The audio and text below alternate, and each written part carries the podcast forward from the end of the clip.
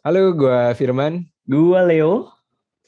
Selamat datang di channel Klub Buku Cilengsi. Emang siapa ya yang dari Cilengsi?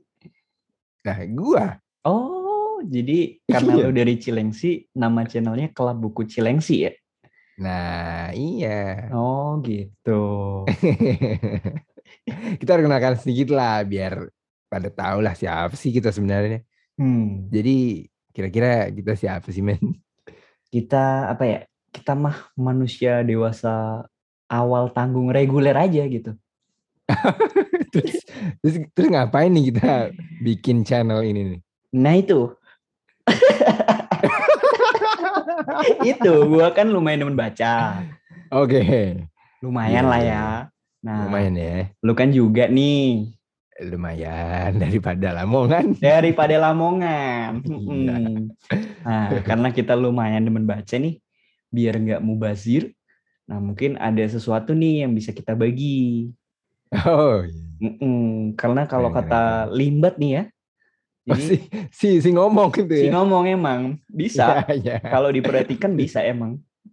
Oke. Jadi kata Limbat tuh tahapan paling rendah tuh data katanya.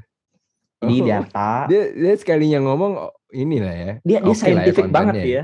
Eh, Scientific banget. banget ternyata. kan ya. emang Oke. pemerhati sains kan jadi hewan-hewan itu dia perhatiin Oke, oke.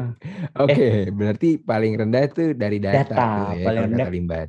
kata Limbat paling rendah data terus abis itu jadi Hmm. knowledge Oh, oke. Mm-mm. abis itu jadi wisdom Oke. Wah, atasnya lagi jadi action katanya gitu Oke, Hmm. mantap juga nih si Limbat gue lihat-lihat ya. mantap eh tapi kita Jadi bisa kenal dari UU ITE data- nggak sih nih Enggak lah. lah ya enggak Kan kan dia nggak ini, nggak apa namanya, nggak mudah tersinggung. nggak mudah dan lagian yang kita omongin kan bagus ya Bagus juga Mm-mm. gitu. Jadi dari data, kemudian ke knowledge, Mm-mm. wisdom, dan action gitu ya. Mm-mm, jadi action nah I see, I see, I see. kita kan nih baca nih Hmm. Tapi kalau yang gue sadarin kadang-kadang susah nih actionnya dari hasil yang kita baca. Oh iya, iya. Gitu. Soalnya, soalnya kita lebih banyak talk only gitu. lebih banyak talk only. Nah, Iya. karena gitu, kita gitu. kadang-kadang nggak bisa action, nah siapa tahu teman-teman semua nih Hmm. pendengar bisa action dari knowledge yang bisa kita bagi gitu. Kira-kira begitulah. Ah. Berarti terus kita ngapain sih nih sebenarnya? Iya ya, ngapain ya? Ya udah. Berarti yang kita lakukan ini kita sharing aja sharing uh, buku yang kita baca gitu Oh, mah. I see, I see, I see. Oke, kalau begitu, eh, selamat menikmati nih teman-teman. Selamat menikmati Buku teman-teman. buku pertama yang akan kita coba bahas ini eh, berjudul Blink dari Blink. Malcolm Gladwell. Malcolm Gladwell. Mantep bener nih. Buku Mm-mm. tahun berapa ya? Gue gua bacanya sih baru-baru ini, tapi kayaknya lu udah lumayan lama ya. Oh iya iya iya. Jadi disclaimer dulu nih. Jadi kalau nggak salah buku ini tahun 2005 nih. Kalau nggak salah 2005 ya. 2005. Oke. Buku kedua man. Buku keduanya Malcolm Gladwell Buku setelah kedua yang Malcolm Gladwell. eh, yang Set- pertama itu Setelah tipping point setahu gua. oke tipping point. Setelah tipping point. Nah, Oke. Eh gue tuh udah baca tahun 2012. Oke, udah 10 tahun yang lalu berarti. 10 tahun yang lalu. Lu bacanya kapan? Oke. Gue baru-baru ini sih sebenarnya Cop, tapi mungkin memori recalling memori kita kurang lebih sama nih men. Nanti kita saling melengkapi aja. ya.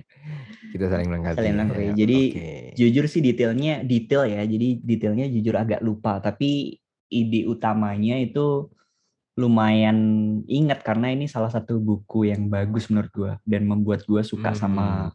si Malcolm Gladwell ini gitu. Jadi ini buku pertama Malcolm Gladwell yang lu baca ya? Eh buku pertama enggak, buku pertama Tipping Point Enggak ya? setahu gua. Seingat gua ya. Oh, oke oke Eh, oke. Berarti sesuai dengan ininya ya. Sesuai dengan urutan. ya, heeh. urutannya ya. Oke, nice nice. Jadi em, sebenarnya buku Blink ini nih tentang apa sih? Kalau kita Bukunya boleh sharing ke kita bagi by the way manggil teman-teman pendengar nih apa nih? apa ya? kalau clubbers kayak Facebooker sebentar ya. Terus apa ya? Iya. Eh, Eh, kalau pembaca ada Apa? juga. Cilenges. Cilenges apa? Cilenges. ya. Heeh. Kalau kalau ini rekan-rekan pembaca kayak forum formal ya. itu RRI banget. RRI kayaknya. banget ya. Nanti lah ya sambil Nanti jalan gitu. sambil jalan. Iya iya iya iya. Eh, ada suara nih. Suara apa jadi takut. Suara lagi azan men. Oh, lagi azan. Iya. Biar kita Tapi nggak apa-apa. eh nggak apa-apa. Tapi nggak apa-apa. biar kita terlihat taat ya. Kita cut dulu ya. Kita Iya. pause dulu, kita azan dulu. Nanti kalau enggak. udah Ini ternyata ini komat jadi cepet. Jadi habis itu Nah, udah Ah, kelar. udah ya. Oh ya, oke. Iya. Tetap terlihat taat kan. Tetap terlihat taat, benar. Iya. Karena Iya. ada intensi untuk pause ya. ada intensi untuk pause. ada itikat baik. gitu. Ada etikat baik, benar. Mm-mm. Oke. Jadi buku ini bercerita tentang apa nih, men? Jadi bukunya itu kan judulnya Blink, The Power of Hmm. Thinking Without Thinking gitu ya. Hmm. Kalau sejauh gue pahami sih ini bukunya tentang uh, decision making gitu, pengambilan keputusan. Hmm, I see. Tahu tapi kalau orang-orang kita mungkin suka mendebat ya bedanya pengambilan keputusan sama pembuatan keputusan. Biasanya itu banyak didebat tuh sama pembicara-pembicara mengambil sama Oh. membuat gitu. Tapi ya kita Oh, kita pakai yang paling umum atau lah dua-duanya sama lah ya. Mm-mm. I see, I see. Jadi kalau Lu menurut gue sering kenapa? ikutan seminar gitu lo ya? seminar ya? Enggak Hmm. sih, terakhir ikut ESQ sih gue. Oh, Itu seminar ya? iya iya itu terhitung seminar kali ya? Terhitung Atau seminar. apa ya? Retreat mungkin ya? Retreat. Mm-mm. Kalau ngomongnya bukan retreat sih kalau orang kita. Apa tuh? Retret. Iya.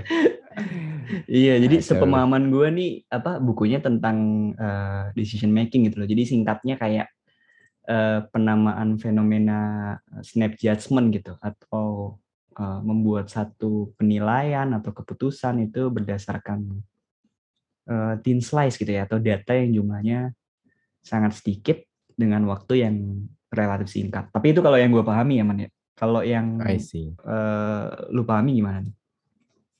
Kalau gue eh, pertama banget nih gue lihat judul buku Blink Hmm, Blink. apa ya eh, kedip gitu ya. Berarti Oh, iya, iya. em, ini berarti eh, tentang snap judgment sih yang Hmm. gue tangkep. Jadi bagaimana kita tuh apa ya eh, judge the book by its cover gitu.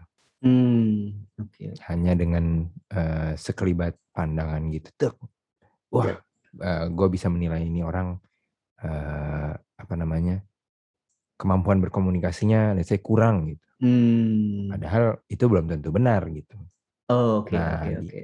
Jadi di di buku Blink ini yang gue dapet sebenarnya bagaimana em, kita bisa mengupas eh, why we think to way we think gitu ya. Em, Hmm. sama kenapa kita tuh em, bisa melakukan snap judgment padahal itu bukan hal yang bijak gitu. Oh, jadi bukan Eh. hal yang bijak ya kalau yang lu tangkap ya? Yang gue tangkap bukan hal yang bijak kalau lu Hmm. belum punya capability untuk melakukan hal itu gitu. Hmm. Jadi oke. kalau di bukunya eh, Blink ini eh, sebenarnya bercerita eh, tentang expert-expert yang melakukan em, snap judgment. Hmm. Nah, expert-expert ini em, mereka apa ya? Ibaratnya sudah sudah menyelami asam garam kehidupan nih, makanya Hmm. snap judgment yang dia ambil mostly eh, tepat nih gitu. Hmm. Asam garam bidang mereka gitu ya? Asam garam eh asam garam. Asam garamnya bidang mereka. gitu. Ah, ah. Iya, iya. Contoh eh, di cerita pertama itu ada eh, arkeolog ya itu ya, ya? Apa sih yang dia tuh Arkeolog ya? em, Benda-benda menilai ya? Iya, dia menilai bahwa eh, patung di sebuah museum ini eh, tidak terlihat right nih, it Hmm. doesn't look right gitu ya. Mm, mm, Nah, uh, ternyata setelah diteliti lagi, oh ternyata benar apa yang uh, dia bilang gitu. mm. Tapi he just knew gitu. Iya, Dia Kalau nggak salah menjelaskan gitu ya. nggak bisa menjelaskan. Jadi kalau nggak salah itu ya apa eh, itu ahli itu menilai benda bersejarah ini asli atau palsu gitu. Dia Hmm, hmm. bisa menilai dalam dua detik nggak sih man? Kalau nggak salah Kalau nggak salah ya segitu. dua detik Eh ya tapi dia kalau. pi- tapi yang tapi yang ini dia bisa menjelaskan deng. Eh, ada lagi yang um, eh, dia bisa melakukan snap judgment tapi dia nggak bisa menjelaskan kenapa Ah, gue bisa kenapa melakukan ya? itu. Tapi kalau yang ini gue koreksi eh, dia bisa menjelaskannya gitu. Seingat lu yang contoh pertama ini bisa menjelaskan ya. Nah, itu kalau nggak Hmm. salah eh, dibandingin sama tim penilai atau tim kurator yang terdiri dari banyak ahli arkeologi gitu, Iya. mereka menilai dalam berapa minggu gitu ya, dan Iya. mengumpulkan banyak dokumen, banyak bukti, akhirnya baru Hmm. dari data-data itu mereka menyimpulkan bahwa ini eh, palsu gitu, nggak asli. Padahal a- yes. arkeolog yang pertama tadi itu cuman sekitar dua detik gitu katanya. Mhm, Heeh, mhm. heeh. Dan itu fascinating sih buat gua Hmm, eh, pribadi gitu ya. hmm. Terus juga em, eh, sebenarnya banyak cerita-cerita yang em, apa namanya contoh-contoh gitu ya, contoh-contoh Mm. eh, bahwa ada juga yang bisa melakukan ini apa snap judgment dengan benar gitu. Hmm, Seingat lu apa Ah. aja men? Contohnya men? Kalau yang gua ingat itu ada lagi pelatih tenis men. Eh, aku lupa nama pelatihnya siapa nih. Hmm. Kalau nggak salah eh Rahmat Darmawan apa ya? Ahmad Darmawan. Kayaknya salah bet tuh. Selain bet, kayaknya kita lah juga Rahmat Darmawan. Iya,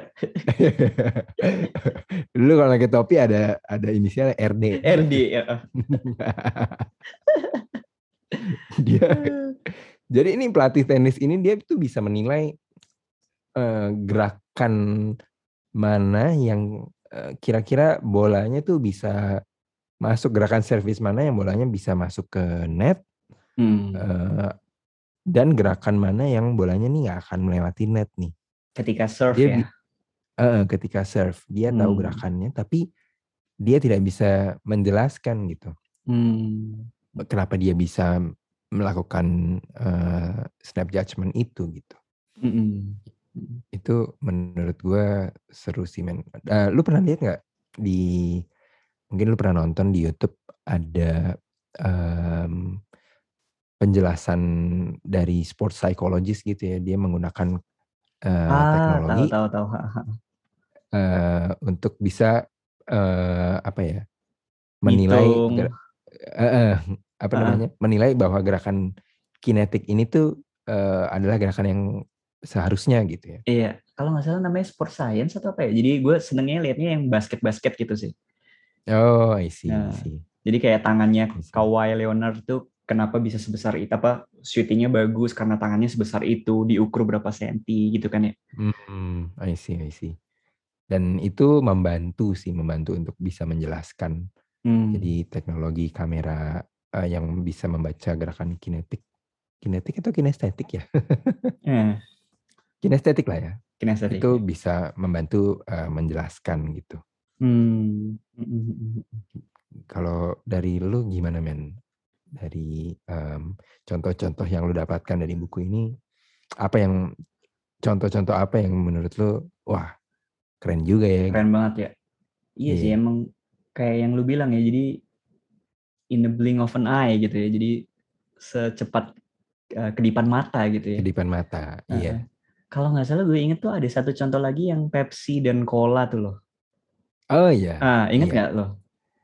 Eh, sip test namanya Sip test, sip test ya sip test. salah ya. Itu gimana tuh man?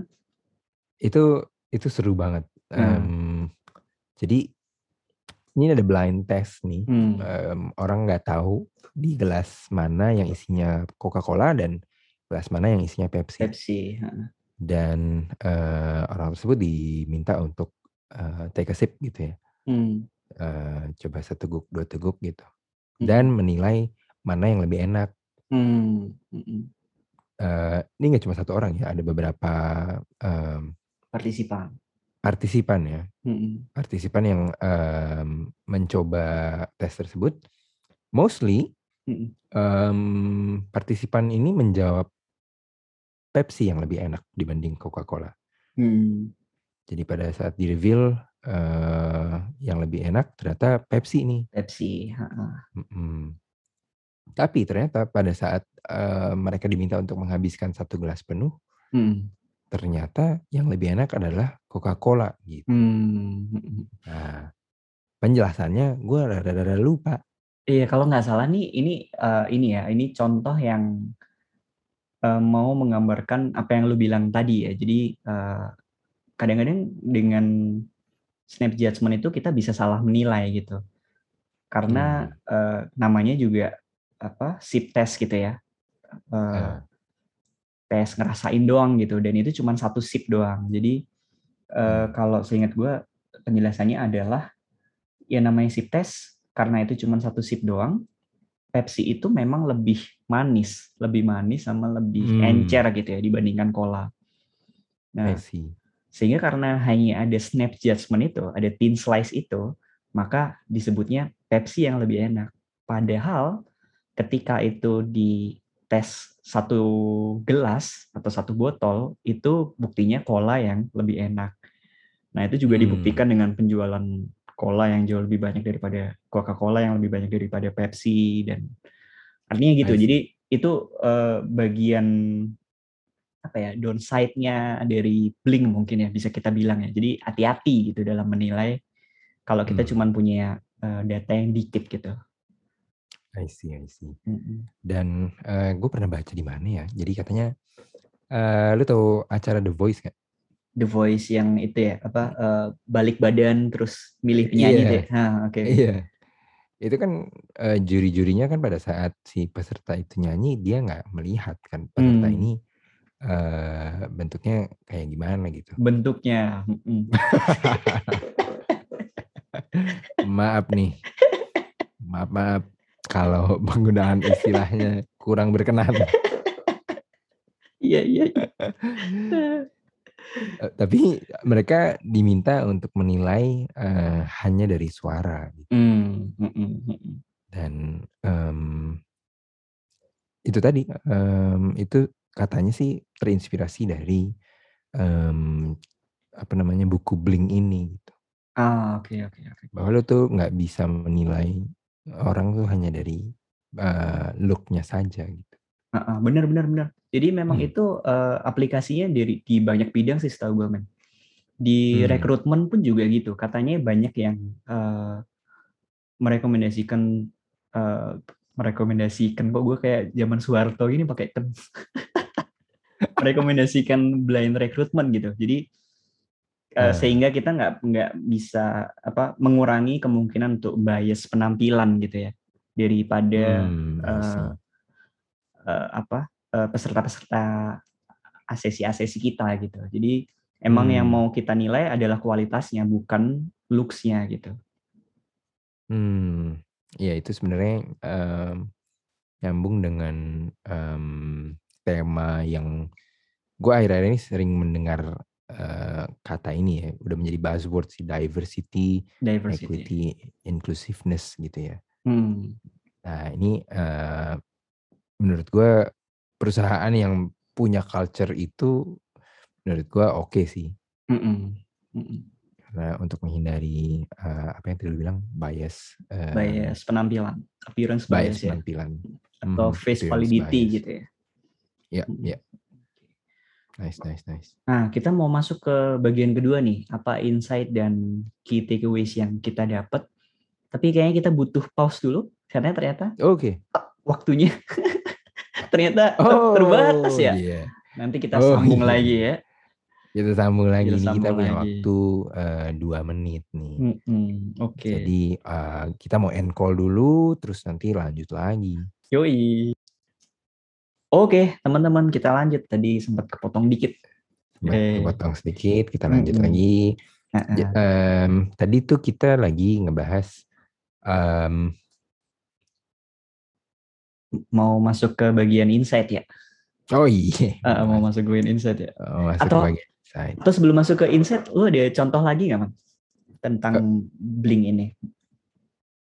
Mungkin ini ya, men. Mungkin uh, dalam kehidupan sehari-hari Hmm. uh, kita gitu ya. Mm-mm. Em, sebagai orang Indonesia gitu ya. Hmm. Em, pernah nggak sih men lo em, dikasih tahu sama let's say orang tua lu gitu ya. Ah, oke oke. Em, misalkan lu mau mengambil keputusan A gitu Mm-mm. atas em, let's say let's say ini ya waktu itu lu eh, em, bawa atau ngajak pacar lu nih datang ke Ke rumah. rumah ya kan? Ah. habis itu ketemu ketemu ketemu ketemu sama apa orang tua lu ngobrol-ngobrol Mm-mm. udah selesai nah habis itu orang tua lu em, apa ya memberikan wejangan gitu Mm-mm. Kok nah ngomongin wejangannya memberikan wejangan tuh kalau positif ya, kalau negatif ngomongin di belakang ya. apa nih yang kira-kira bisa positif bisa negatif nih Ya, coba tuh. Kalau positif gimana? memberikan input Memberikan input ya. Iya. Cukup netral. cukup netral ya Cukup netral. cukup bijak ya Cukup bijak ya. oh ya memberikan input nih Hmm. ternyata tidak sesuai dengan eh, ekspektasi dari mereka nih gitu. Mm-mm. Mm-mm. Ya udah oh tapi ternyata em, apa namanya em, setelah beberapa waktu berlalu eh, lu ngerasa apa yang dibilang sama orang tua lu nih bener gitu Benar. Mm. Gitu. Eh, itu mungkin contoh dari apa namanya eh, kehidupan sehari-hari kita gitu Terapan ya. bling ya. Mm-mm. Padahal kita juga nggak tahu kan apa eh, orang tua kita nih apa namanya nilainya dari mana? Kan Cuman baru baru saat sekali ngomong aja gitu kan ya. iya iya Kok kok bisa udah tahu kalau eh, leh kayaknya nih cewek nggak cocok deh sama kamu gitu ya misalnya ya. iya iya Heeh. Ya, tapi entah resultnya gimana, apakah memang itu cocok atau nggak cocok, artinya fenomena bling itu ada gitu ya. Ah, ah, fenomena bling Heeh. itu ada Ketika Salah memang contohnya. ketika memang ngomong cocok dan itu cocok ya, itu contoh bling yang eh, kebetulan oke gitu ya. Tapi kalau misalnya Hmm. ketika ngomong nggak cocok, tapi ternyata cocok, ya itu mungkin bling yang tadi yang bias itu ya. betul betul Heeh. jadi sebenarnya em, cobalah kita untuk melatih lagi em, untuk apa ya nggak bias lah nggak nggak nggak punya unconscious bias atau ataupun confirmation bias ada banyak Mm. jenis bias yang sebenarnya bisa dipelajarin eh, supaya kita terhindar nih dari bias-bias tersebut gitu Iya. heeh. oke Eh, kemungkinan bias sama logical fallacy ya. Jadi logical fallacy nah. Kesesatan logis. Nice nice keren Oke. juga. Emang iya. Gampang menerima pujian.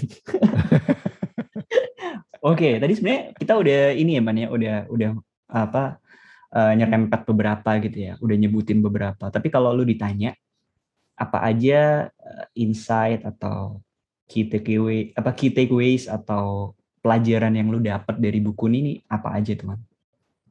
Kalau gua, em, gua sebenarnya em, lucunya nih ya dari buku Hmm. ini, Mm-mm. gua tuh em, nyambung, kok ya pas banget gitu habis buku, habis baca buku ini gua nyambung ke bukunya Adam Grant, Hmm, judulnya Think Again gitu. think ya. again. Ha-ha. Jadi gua, gua merasa gua em, bukunya Think Again ini melengkapi eh, apa yang gue baca, apa yang gue baca dari eh, Blink ini. Blink. gitu. Em, tapi kurang lebih eh, apa yang gue dapat sama-sama eh, apa namanya insightful dari kedua buku ini dan Hmm. apa ya saling melengkapi sih gue ngerasa. Saling melengkapi ya. Mm-mm. Mm-mm.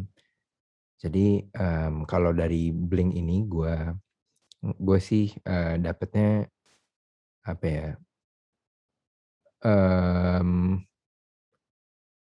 lu harus bisa mencoba challenge yourself untuk apa ya? Untuk tidak melakukan snap judgment.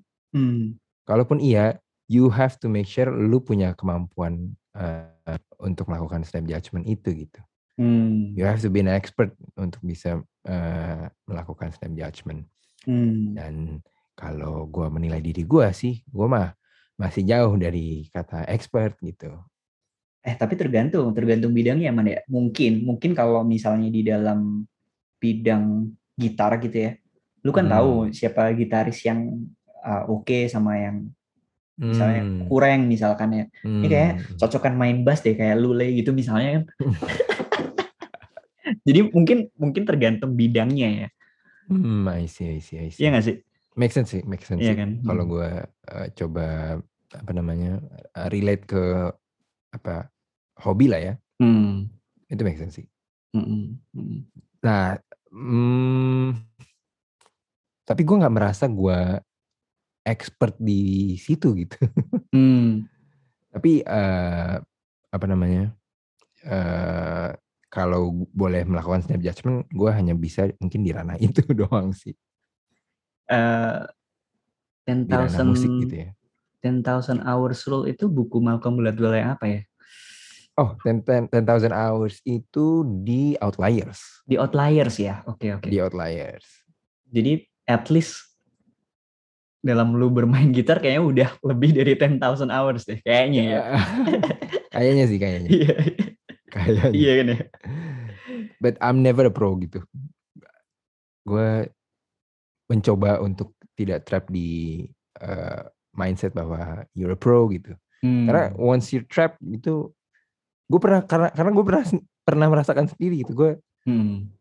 Wah banyak yang bilang gue jago nih, anjing gue jago beneran nih. Eh. Tapi ya udah gue stuck di di situ gitu. Hmm. Karena gue gak mau explore lagi jadinya. Oh, I see, I see. Udah puas Eh. gitu ya. Iya, itu yang itu Nah. yang penyesalan gue sih. Hmm, waduh.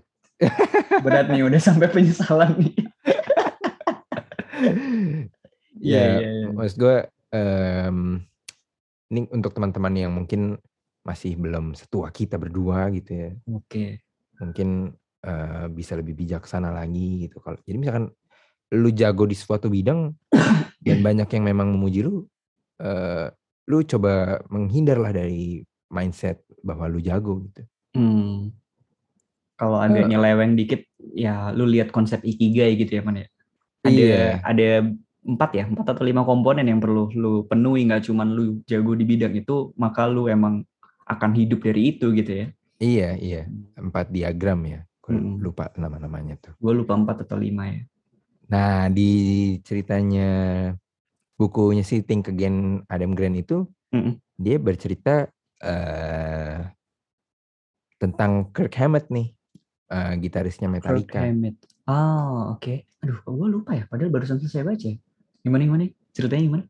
Jadi kalau em, Kirk Hammett itu, makanya waktu itu pernah konflik dengan gitaris, sekarang gitarisnya Megadeth, Dave Mustaine. Dave Mustaine kan dulu gitarisnya Metallica tuh. Hmm. Eh, cuman abis itu didepak, abis itu eh, ganti Kirk Hammett. Kirk Hmm. Hammett ini masih punya keinginan untuk eh, belajar lagi gitu. Oh, I see, I see, I see. Iya, iya, tahu, tahu, tahu. Contoh itu ya. Eh, walaupun dia udah di band sebesar Metallica gitu ya, dia tuh masih belajar ke eh, gitaris juga gitu. Eh, Mm-mm. Yang menjadi gurunya adalah Joe Satriani. Hmm. Nah, Mm-mm. dia belajar. eh, sebenarnya tujuannya dia adalah untuk eh, terhindar dari mindset bahwa dia adalah eh, gitaris yang pro gitu. Hmm. Gitu sih. Iya, iya, menarik, menarik. Eh, Hmm. Kalau dari lu gimana men? Eh, insight apa yang lu dapet Insight-nya ya? dari?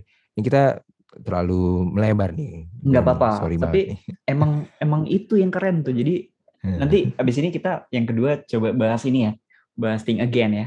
Oke, Eh, episode kedua kita akan kan- membahas Think Again Iya, itu Adam Grant. ya nanti teman-teman dengerin lah. Artinya dua Hmm. buku itu kita rekomen lah ya. Rekomen banget. Kita rekomen banget. Tapi kalau yang Blink ini mungkin gue ada empat empat insight ya. Sebenarnya gini sih, sebenarnya cara penulisannya Malcolm Gladwell tuh nggak menggurui sih, nggak ngasih tahu kalau lu harus A, lu harus B gitu. Tapi sejauh yang gue dapat, insight-nya ad- adalah eh, yang pertama fenomena berpikir intuitif itu ada gitu, ada dan Hmm. wajar gitu. Jadi itu memang terjadi. Itu yang pertama. Terus eh, kadang-kadang yang kedua ya, yang kedua itu Hmm. kadang-kadang insting atau eh, berpikir intuitif kita itu perlu dipercaya gitu. Karena kadang-kadang benar gitu ya. Tadi tadi lu sempat bilang eh, itu bisa jadi benar kalau lu emang eh, ahli di bidangnya gitu kan. Hmm. Atau lu sudah eh, melakukan hal itu selama berapa jam minimal misalkan gitu. Jadi yang kedua itu. Terus yang ketiga eh, sebaliknya gitu ya. Walaupun berpikir intuitif itu ada dan wajar, sama kayak kata lu tadi. Jadi hati-hati sama eh, bias gitu ya, bias pikiran intuitif. Eh, dan prejudice atau prasangka gitu ya, Ya. Eh, dari pe- pemikiran atau pengambilan keputusan kita. Jadi ada kalanya kita berpikir intuitif itu baik, tapi ada kalanya juga kita perlu data yang lengkap gitu. Perlu data yang lengkap, perlu jam terbang yang tinggi, dan juga hati-hati sama pikiran dan perasaan kita ketika memutuskan sesuatu. Jadi see. kalau kata siapa ya, kita itu emotional creature gitu. Jadi intinya eh, sangat bias gitu kalau kita memutuskan sesuatu eh, dengan eh, pengaruh emosi gitulah.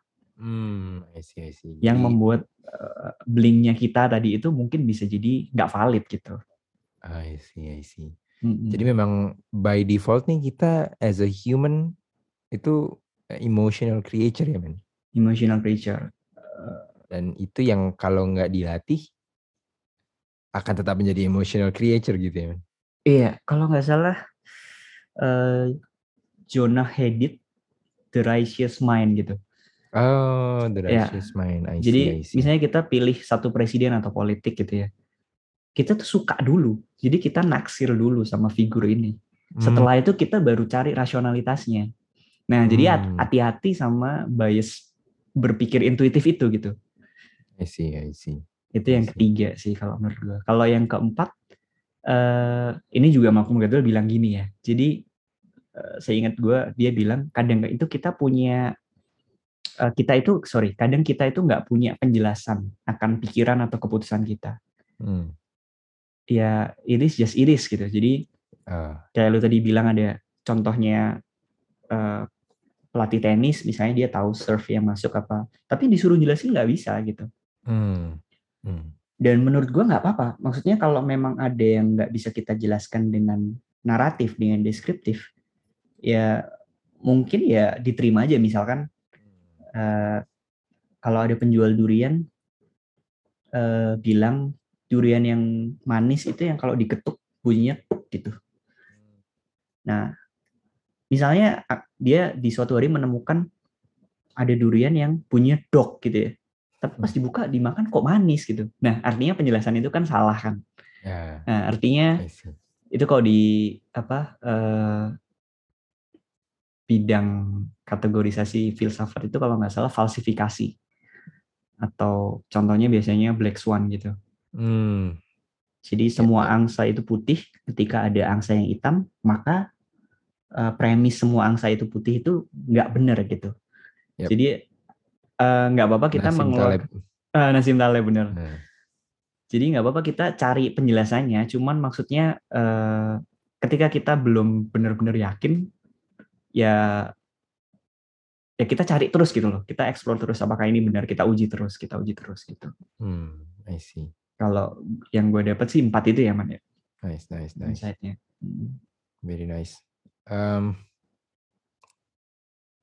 kalau dari buku ini nih, menurut lo apa yang bikin lo apa ya?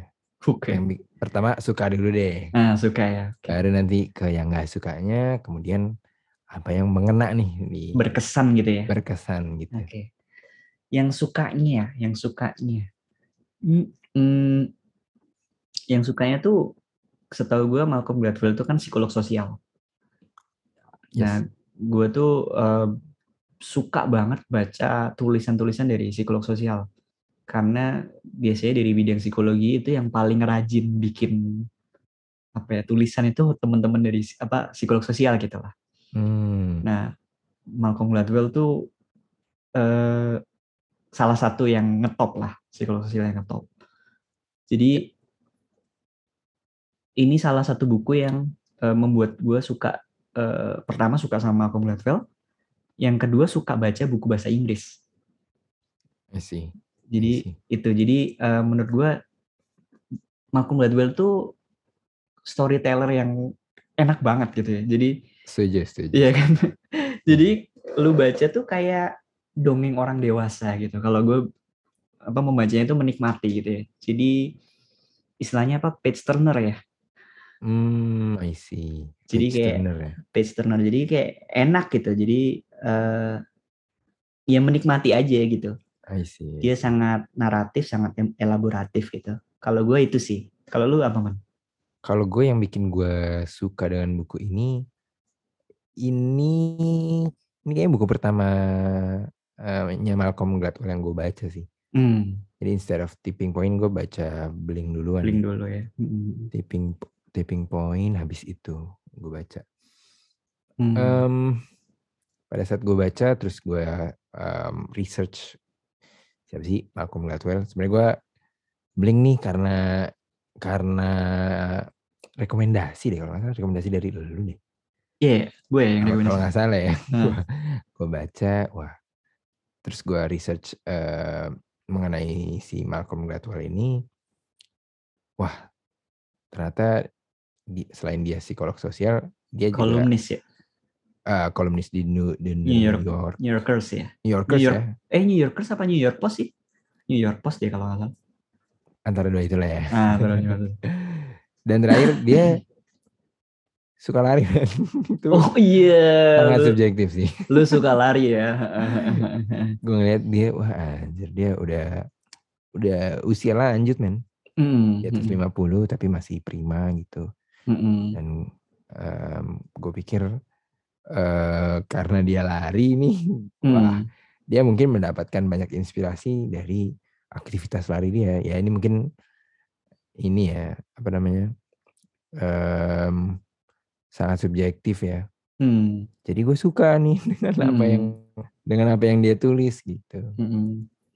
Nah, um, yang gue suka sebenarnya itu tadi sih um, si buku Bling ini mengajak kita pembaca untuk coba lebih kritikal lagi gitu dengan um, apa namanya kebiasaan kita melakukan uh, thin slicing gitu ya atau snap judgment.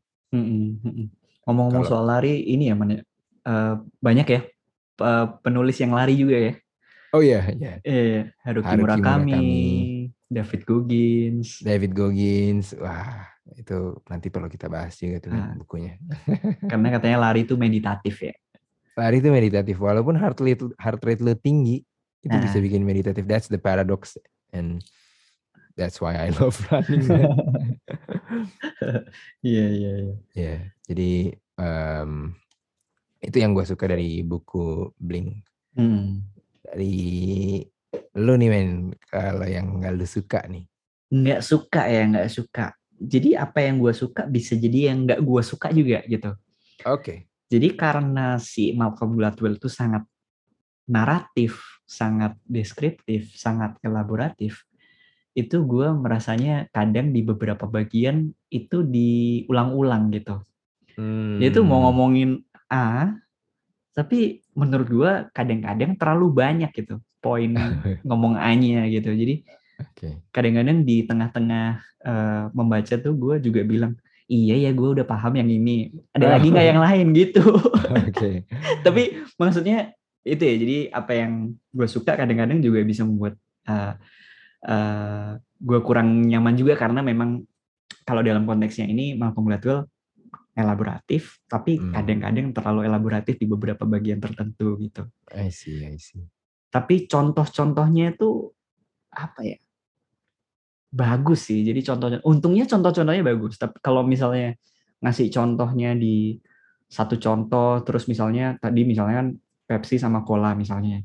Hmm. Habis itu contoh keduanya misalnya Apple sama Windows gitu. Jadi kalau komparasi-komparasi yang kayak gitu diulang-ulang, mungkin gue akan sangat tidak suka gitu. Hmm. Tapi kalau sekali terus uh, nuansanya beda, nuansanya beda itu uh, gue suka. Jadi sebenarnya kalau ditanya apa yang nggak suka, cuman itu aja sih. Hmm. Selebihnya gue suka. I see. Kalau lu men, apa yang nggak lu suka? kurang lebih sama sih. Gue ngerasa um, Malcolm ini di Blink dan di banyak bukunya. Di semuanya uh, sih kayaknya emang. Most hampir di semua yeah. bukunya ya. Dia uh, uh, cukup redundant sih. Iya, yeah, benar benar. Uh, poin yang sama gitu. Jadi uh, uh. jadi uh, kalau lu expect lu dapet banyak uh, dengan buku setebal 200 300 halaman hmm. um, mungkin uh, lu nggak nggak akan dapat sebanyak yang lu expect gitu hmm. karena dari contoh contoh-contoh yang dia ceritakan ya poinnya sebenarnya sama gitu tapi um, gue setuju dengan yang lu bilang um, contoh-contohnya bagus gitu hmm. dan lu akan tetap apa ya uh, terhibur gitu ya dengan hmm. atau lu tetap akan tercerahkan gitu mendapatkan insight baru gitu dari contoh-contoh yang uh, Malcolm ceritakan gitu. Hmm, tapi ini sih emang ya, kalau boleh nambahin, uh, gue tidak menyarankan teman-teman untuk tidak membaca karena gini, hmm. uh, bedanya dapat dapat insight dari rangkuman gitu ya atau summary hmm. Atau key takeaways sama baca sendiri itu uh, feel-nya tuh beda banget. Jadi kalau kita baca yeah. tuh kita kayak ya menikmati gitu loh. Iya. Yeah. Kalau lu emang cari key takeaways-nya ya emang ya udah jangan baca. Tapi kalau lu baca tuh uh, pikiran lu itu bisa bisa apa ya? elaboratif juga. Terus yeah. apa lu menceritakannya kembali juga bisa elaboratif gitu. Jadi artinya uh, gue nggak menyarankan untuk teman-teman tidak baca sih karena kalau ini dibaca itu juga keren banget gitu. Iya. Yeah. Uh-uh. Dan uh, that's why we're here kan. Iya. Uh-uh. Jadi kita ini sebenarnya pengen mengajak teman-teman untuk uh, membaca ya. Iya. Membaca. Uh, bukan malah nggak membaca karena udah dengerin kita gitu. Uh, iya. Atau atau baca apps yang summary summary gitu kan. Iya. Uh-uh. Jangan dong. Jangan. itu ya yang lu nggak suka ya men ya? Iya sih. Nah, kalau oh. yang ini yang berkesan gitu atau yang kena banget? Dari buku Bling ini yang berkesan um, ini sih sebenarnya ada cerita tentang uh, Presiden Amerika Serikat. Hmm. Waktu itu uh, ada orang yang dirasa wah cocok nih jadi presiden dia ganteng, tegap, hmm. good looking lah. Ntar ini beneran Amerika Serikat kan? Iyalah, masa di ini Tonga? iya, masa di Cilengsi ya? Jadi namanya Warren Harding, gue hampir mau bercanda.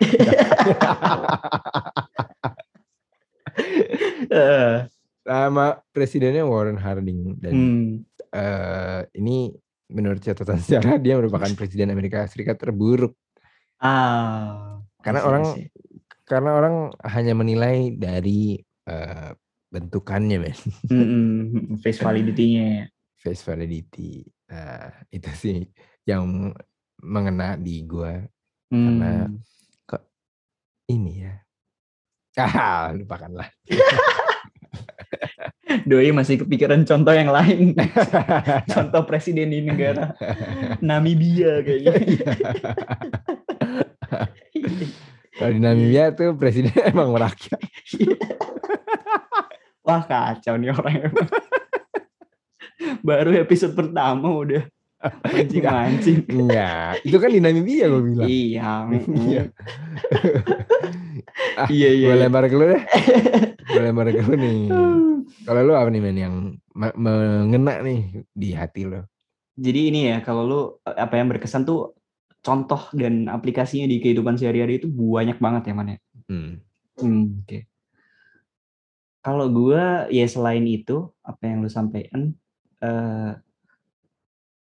kan gue juga baca beberapa buku lain gitu ya. Ternyata bisa di kayak ditarik ditarik hubungannya gitu loh Hmm, hmm. Enaknya membaca tuh itu sih, jadi uh, bisa melatih menarik hubungan juga. Misalnya hmm. kayak tadi lu sebutkan Adam Grant, Think Again gitu kan. Yeah. Ya itu bener banget. Jadi itu uh, istilahnya apa sih? Uh, uh, sangat melengkapi Blink ini gitu.